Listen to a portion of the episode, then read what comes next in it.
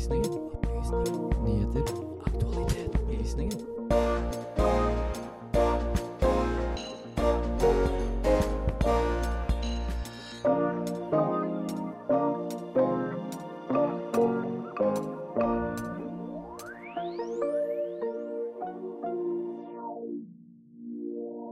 Hei og velkommen til sending. Nå er klokken endelig bikket ti. Og vi har nå en stappfull sending til dere her i dag. Vi skal snakke om bl.a. jordskjelvet i Tyrkia. Vi skal snakke om hva som skjer i Peru. Og vi skal også se litt på om du trenger å avkalke maskinen din, og noe som heter Prove it again bias. Og med meg i sending så har jeg Emilie. Hei, god morgen. Og Marte, Og- god morgen. God morgen. Og men før vi går videre inn i sendingen, så skal vi høre litt deilig Nova-musikk med Bo Mill med Good Kid. Og så er også Radio Nova her for å gjøre opptak til sendingene sine. Opplysningen. Vi er der det skjer. Opplysningen.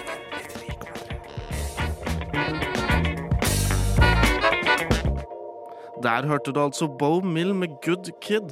Eh, denne uka så har det jo altså vært et jordskjelv i Tyrkia. Vet du noe om det, Marte? Ja, det er jo noe man har fått med seg på eh, ja, overalt. Så det har jeg fått med meg, og det er veldig trist å høre om. Og man hører jo at det antallet skadde og døde bare øker og øker. Så det er jo forferdelig.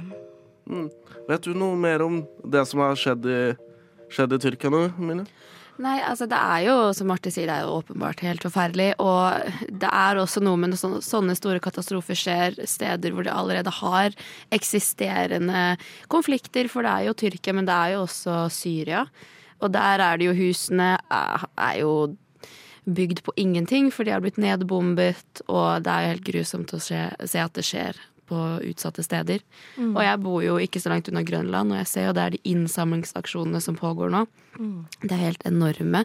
Man kommer seg nesten ikke forbi, for det blir propp med alle bilene som skal kjøre forbi og levere varer og klær og Så det er, man ser virkelig at folk samler seg rundt.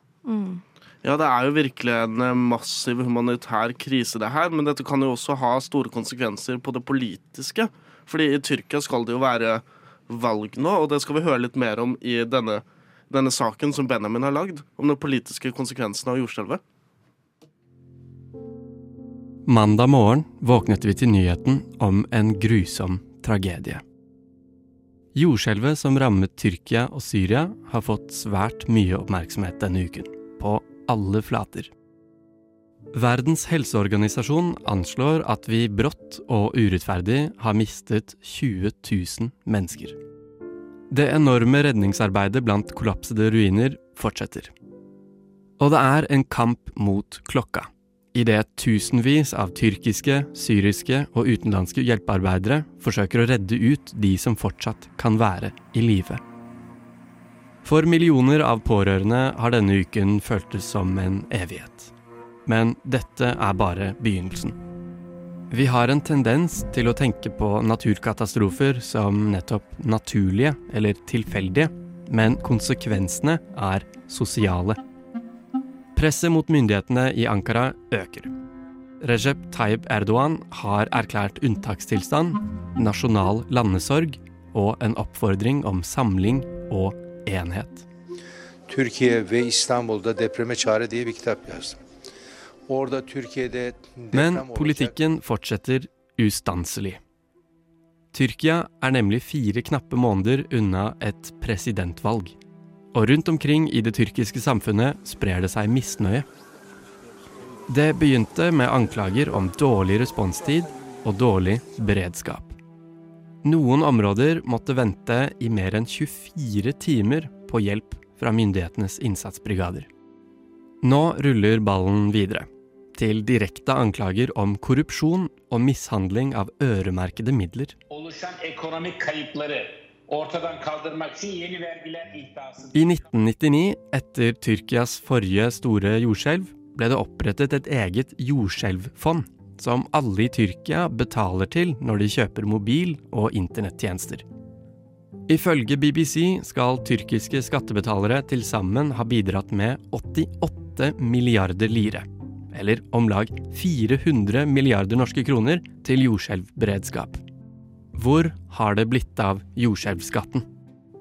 De tyrkiske opposisjonspartiene har gjentatte ganger stilt spørsmål om jordskjelvfondet, men ingen kan vise til at et eneste øre av disse midlene har blitt brukt i de siste fire dagene.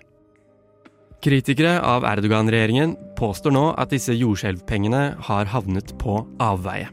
De mener også at de har bevis i et gammelt intervju fra 2011, da Erdogans daværende finansminister innrømmet at midler ble brukt på infrastrukturprosjekter og motorveier.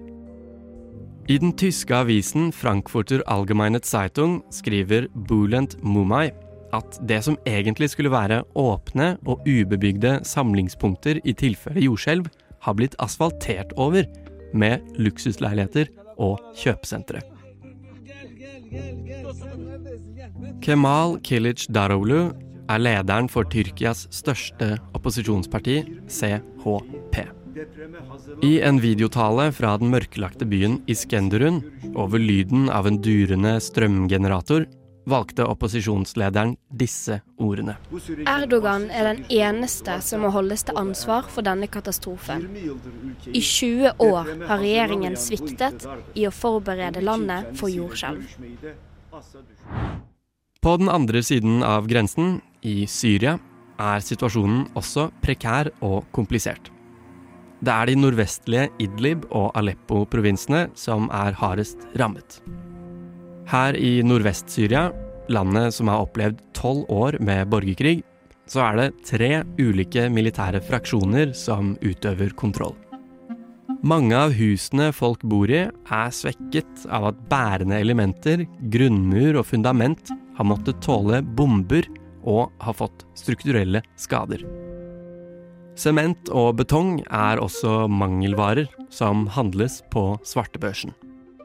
Arbeidet med å hente ut de overlevende har pågått nå i mer enn 90 timer i strekk. Og mye gjøres av De hvite hjelmene, en uavhengig sivil bistandsgruppe. På deres Twitter-konto ser vi bilder av utslitte redningsarbeidere og menneskelik lagt i poser, surret i tepper på provisorisk vis. Syriske myndigheter derimot har brukt store ressurser i en påvirkningskampanje i et forsøk på å oppheve sanksjonene mot regimet. Assad-regimets utsendinger til FN og andre internasjonale fora hevder at vestlige sanksjoner forhindrer hjelpeinnsatsen. Den påstanden mener flere eksperter er tvilsom. Det er vanskelig å få internasjonal hjelp inn i Syria av to grunner. Den første er den mest åpenbare. Landet er i en aktiv borgerkrig. Man frykter at det autoritære Assad-regimet, eller andre aktører, vil misbruke, stjele og flytte bistanden rundt for politisk vinning. På midten av 80-tallet var det akkurat det som skjedde da det var borgerkrig og sultkatastrofe i Etiopia. Derg-militsen stjal matforsyninger som var samlet inn av Live Aid.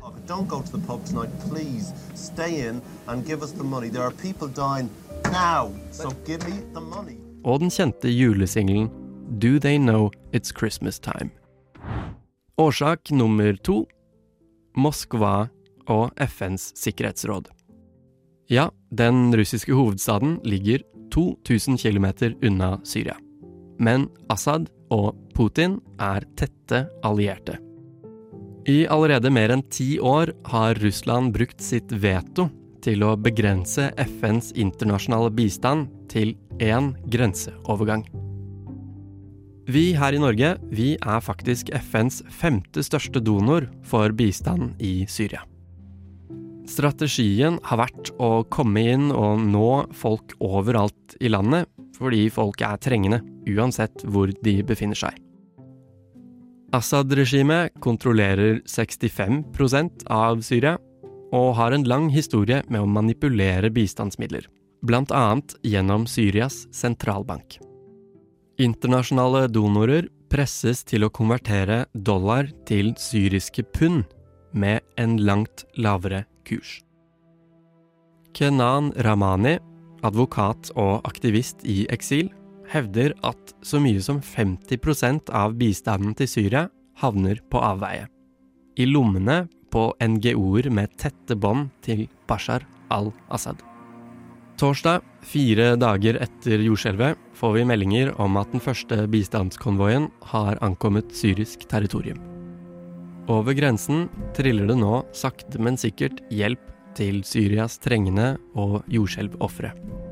Men i likhet med Tyrkia er det hele trolig for lite, for sent.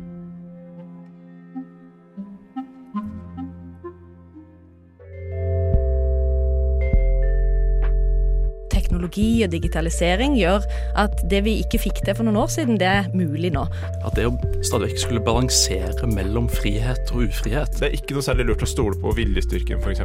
Kirkas demokratisystem. Opplysningen hver fredag fra klokken 10 til 11.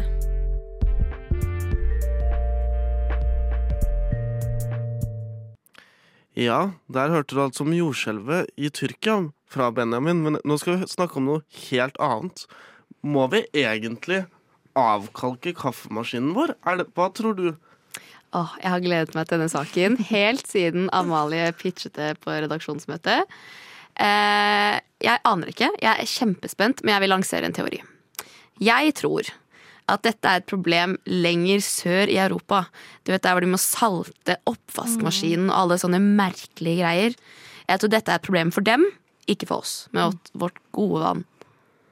Ja, du? Hva tror du, Marte? Altså, Jeg tror du er inne på noe veldig smart. Jeg tror Hvis du drar til Bergen, da er det lite kalk, så da slipper du dette her. Eh, men det er jo mye kalk i sånn Danmark. Man skal jo ikke så veldig mye lenger enn det. Mm, du sier noe der. Mm. Selma, tror du at vi må avkalke kaffemaskiner? Nå har jo jeg jobbet på eh, kafeer hvor vi drev og vasket kaffemaskinene ganske jevnlig, så jeg vet ikke om vi liksom drev med avkalkning, eller om det var bare vasking. Så jeg vet ikke. Nei, det får vi finne ut av nå. Nå skal vi høre en sak om, om vi må avkalke kaffemaskinene våre. Her i Opplysningen tar vi både små og store spørsmål på alvor. I denne saken skal jeg forsøke å hjelpe min kollega Sander med å finne svar på noe han har gått og lurt på. Sander, skal du ha en kopp kaffe, eller? Ja, gjerne. Vær så god. Jeg har kjøpt ny kaffemaskin hjemme nå, og den driver hele tiden og maser om noen kalkrensing. Sånn hver andre dag eller noe sånt. Det er helt sykt hvor ofte den skal renses. Men renser du den av? Jeg ringte pappa, som, og han sa sånn Nei, du må ikke rense den. Det trenger ikke å gjøre det i Norge. Men jeg skjønner ikke hvis det Det er en kaffemaskin kjøpt i Norge med norsk bruksanvisning som sier at jeg skal kalkrense den når den ber om å renses. Og da vet jeg ikke hvem jeg skal stole mest på. Skal jeg stole på pappa, eller skal jeg stole på kaffemaskina mi? Det første jeg forsøker å finne ut av, er om Sanders pappa har rett når det gjelder vannet i Norge. Jeg ringer til Tromsø. Der sitter det en fyr som har peiling på norsk vann. Mitt navn er Pål Gundersen. Jeg jobber på Norges geologiske undersøkelse. Og jeg er da kjemiker av utdanning, vannkjemiker, og har jobba med grunnvann her på NGU siden 2004. Jeg spør hvor mye kalk det må være i vannet for at det skal danne et belegg i apparatene våre.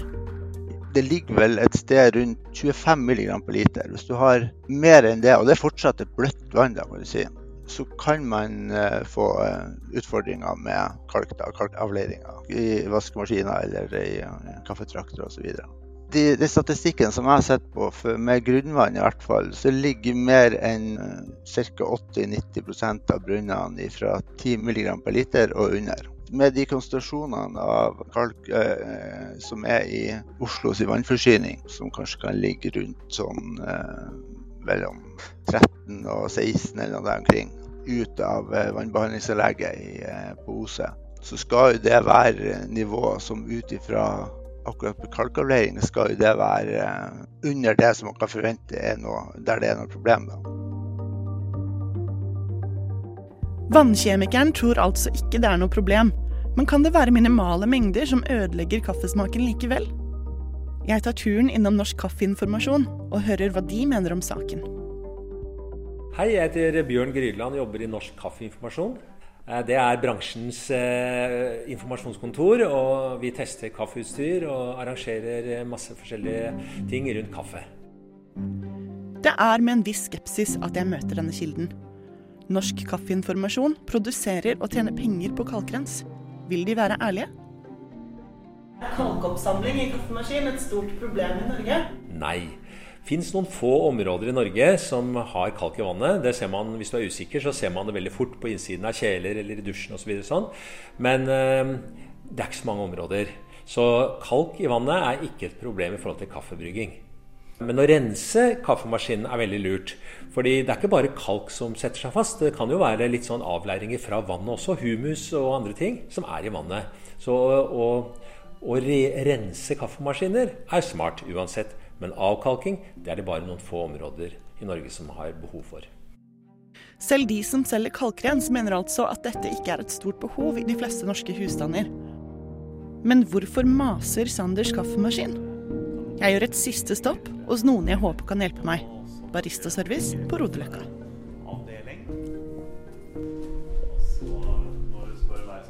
Det viktigste i rommet er This is where the magic happens.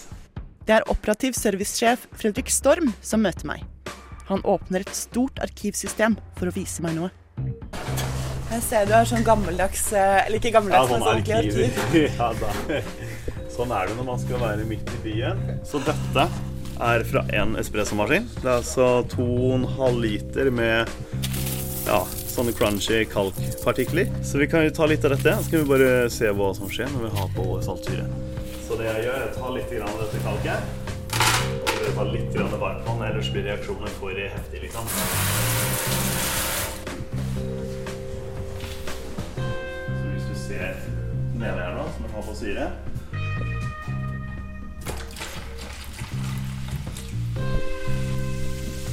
får en ganske kraftig reaksjon. Danser masse karbondioksid, og syren løser da opp kalken.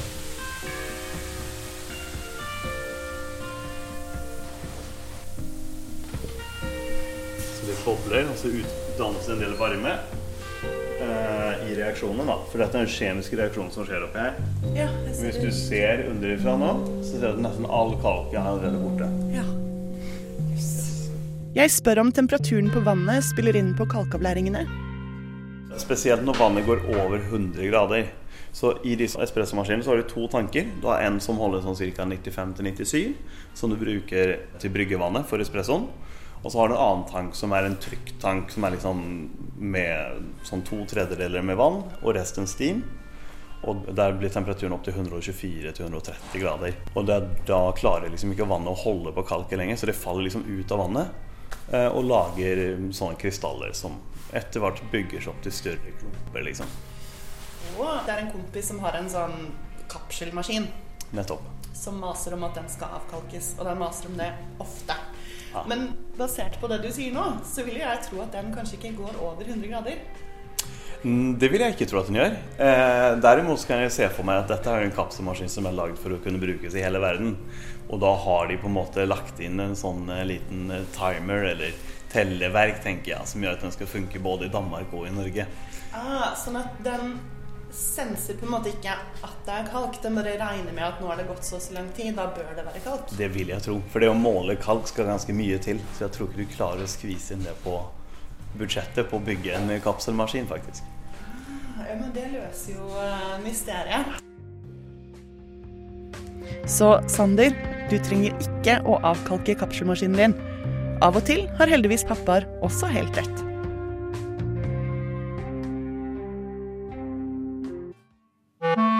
Nei, men Bertil, da! Ja? Har du glemt å høre den siste episoden av Opplysningen på Radio Nova? Har nok det. Men da kan du jo bare høre det som podkast når du vil. Å, det skal jeg jammen meg gjøre! I, I Peru nå så har det vært en del protester og veldig mye protester og vold, men jeg har ikke egentlig helt skjønt hva som skjer der. Jeg har bare sett alle disse protestene og protestbildene. Men heldigvis så fikk jeg Lise, min kollega, til å se på hva som skjedde i Peru, så jeg slapp å gjøre det. Så vi kan høre hva Lise fant ut om det som skjer i Peru. Siden den 7. desember 2022 har det vært nær daglige demonstrasjoner i Peru. Over 40 demonstranter er drept, og flere hundre er skadet. Hva er det som har skjedd? Det hele startet med at tidligere president Pedro Castillo ble arrestert etter å ha forsøkt å oppløse Kongressen. Kongressen hadde selv uttrykt et ønske om å stille Castillo for riksrett for anklagelser om korrupsjon og forræderi. Dette ville da vært tredje gang Castillo ble stilt for riksrett. Før Castillo sin uttale om å ville oppløse Kongressen, ville de trolig ikke hatt nok stemmer for å kunne stille Castillo for riksrett. Få timer før de folkevalgte skulle stemme over Castillos skjebne, kunngjorde presidenten planene om å fjerne den opposisjonsstyrte Kongressen.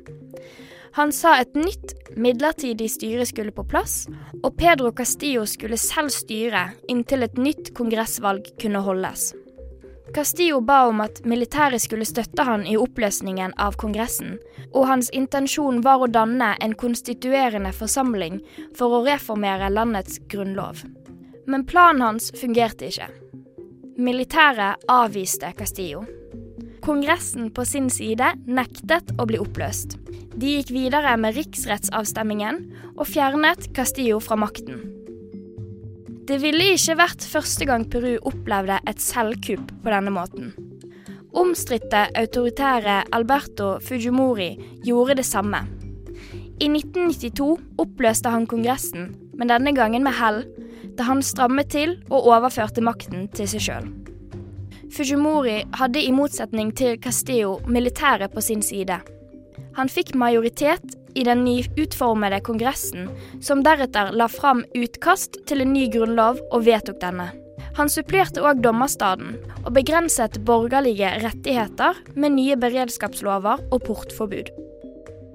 Castillos forsøk på å tilranne seg makt ble raskt stemplet som ulovlig og grunnlovsstridig. I løpet av dagen var president Castillo avsatt, pågrepet av politiet og anklaget for kuppforsøk. Verken politiet, hæren eller hans egen venstrekoalisjon reddet han. Castillo sitter nå i varetekt, og her skal han forbli i opp mot 18 måneder mens påtalemyndighetene fortsetter etterforskningen av de kriminelle anklagene mot ham. Kongressen ga samme dag som Castillo ble avsatt, makten videre til visepresident Dina Boluarte. Dette er i seg sjøl historisk, da hun er den første kvinnelige presidenten i landets historie. Denne maktovertagelsen falt ikke i god jord hos alle. Det oppsto etter Castillos arrestasjon en rekke protester, og det har siden Castillo ble pågrepet vært voldelige sammenstøt mellom støttespillere og sikkerhetsstyrkene. De som er ute i gatene og holder protester, mener at Castillo ble fratatt makten på en udemokratisk måte. De mener at det er folket, og ikke politikerne, som skal få velge hvem som leder landet. Ledelsen i landet påstår at de har fulgt Grunnloven og gjort det på en demokratisk måte. Annet USA har ønsket Dina Boluarte velkommen som den nye lederen av landet. Bolivia, Mexico, Argentina og Colombia har derimot nektet å godkjenne Dina Boluarte som landets nye leder. Lederne fra disse fire landene har skrevet i en felles erklæring at Perus myndigheter må avstå fra å snu folkeviljen uttrykt med fri stemmerett. Det at USA og Bolivia, Mexico, Argentina og Colombia ligger på motsatte sider av denne saken, kan føre til komplikasjoner for den internasjonale politikken Peru videre kan føre. Spesielt med tanke på at Bolivia og Peru deler en viktig landegrense i nærheten av mange av de lokale opptøyene.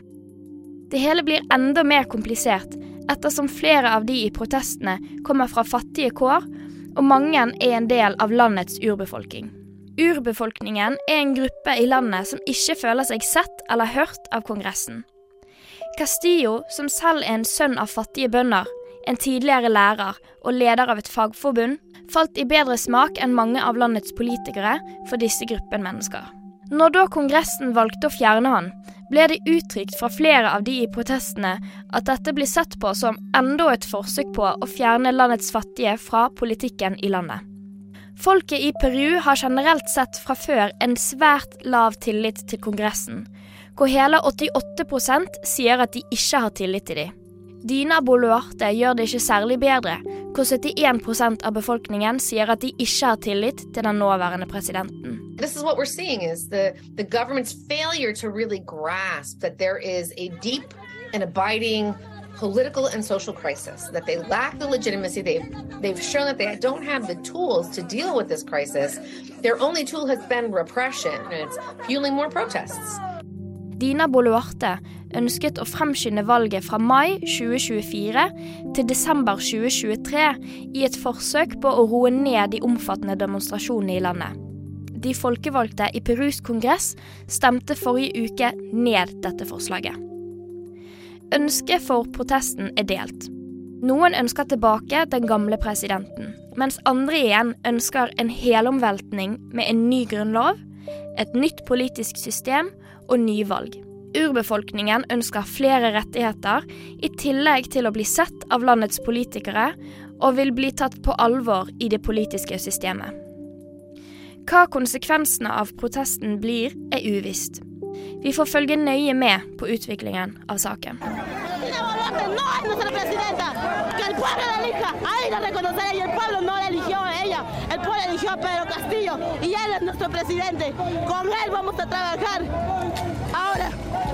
Si los congresistas se creen tan democráticos, que respeten, que respeten la voz del pueblo, que respeten que nosotros votamos por ese presidente.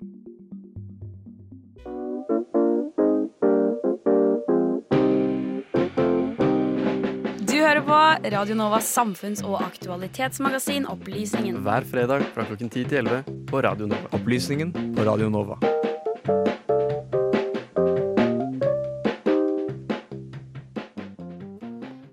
Før vi gikk inn i studio i stad, så snakket dere om noe jeg ikke egentlig kan noe om, nemlig prove it again bias. Og det ble jeg litt nysgjerrig på. Hva er egentlig prove it again bias? Nei, altså, I korte trekk så baserer prove it again bias seg på at en mann antas i utgangspunktet å være kompetent, mens en kvinne alltid må bevise seg selv. Ikke bare én gang, men hun bevise seg selv igjen og igjen og igjen, hvor mannen bare går inn i det hele med antagelsen om at han er kompetent nok. Mm. Og det kan jo være når man skal søke jobb, intervjurunde, men også på arbeidsplassen.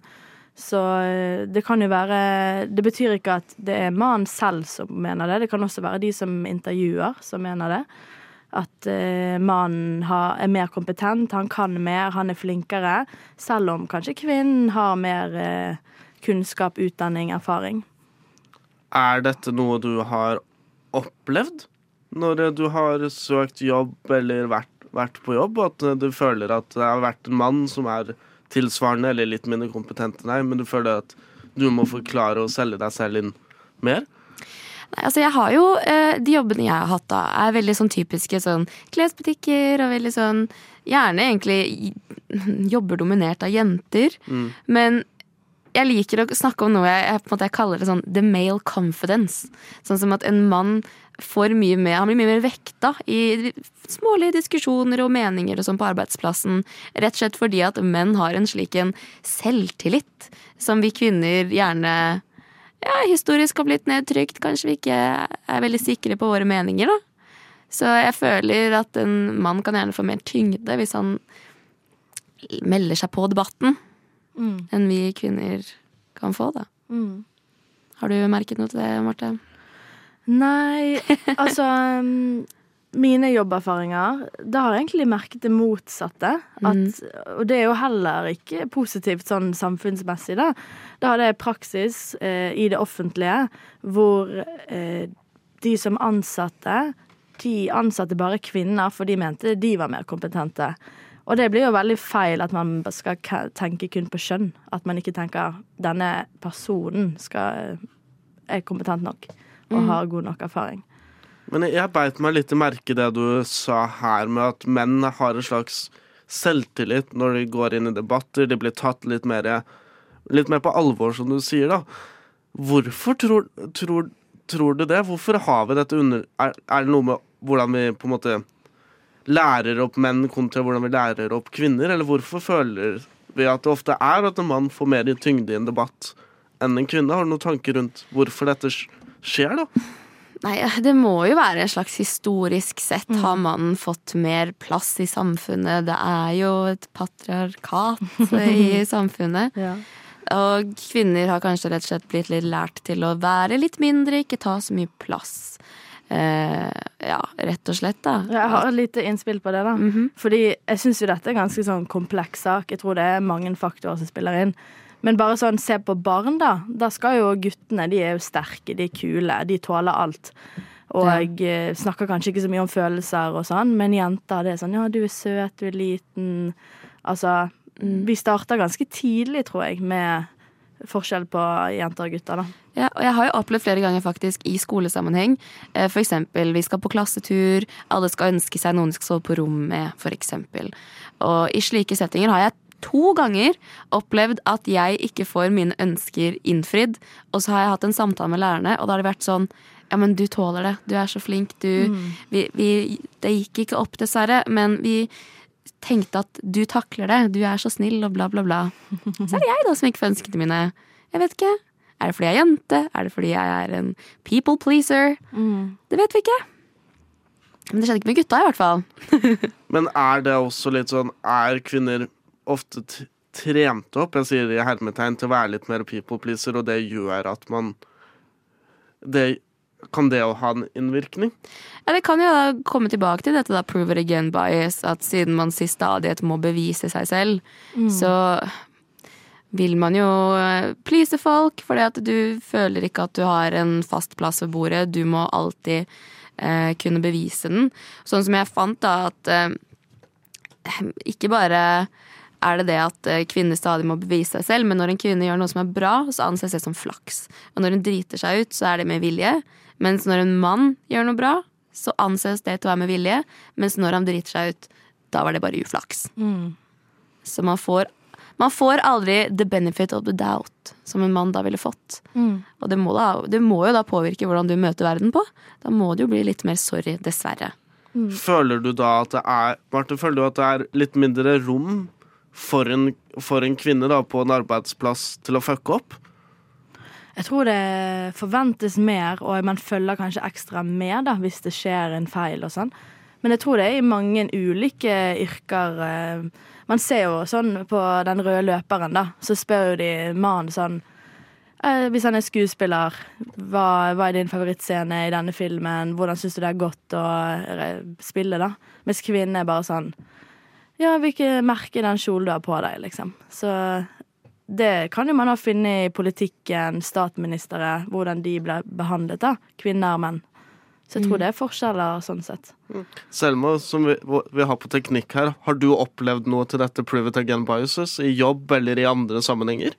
Jeg har jo eh, jobbet lenge i ostebutikker, eh, og jeg vet at de mannlige kollegaene jeg har hatt da, som kanskje har begynt å jobbe lenge etter meg og har mye mindre erfaring, de er liksom mye mer selvsikre når de skal stå der og selge noe så banalt som ost, men der ligger jo mye eh, hva skal jeg si, kunnskap bak det.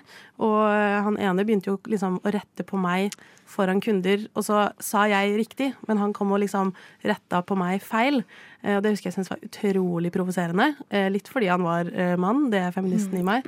Men jeg har også snakket mye med mamma, som har vært daglig leder i et advokatfirma og ansatte advokatfullmektige.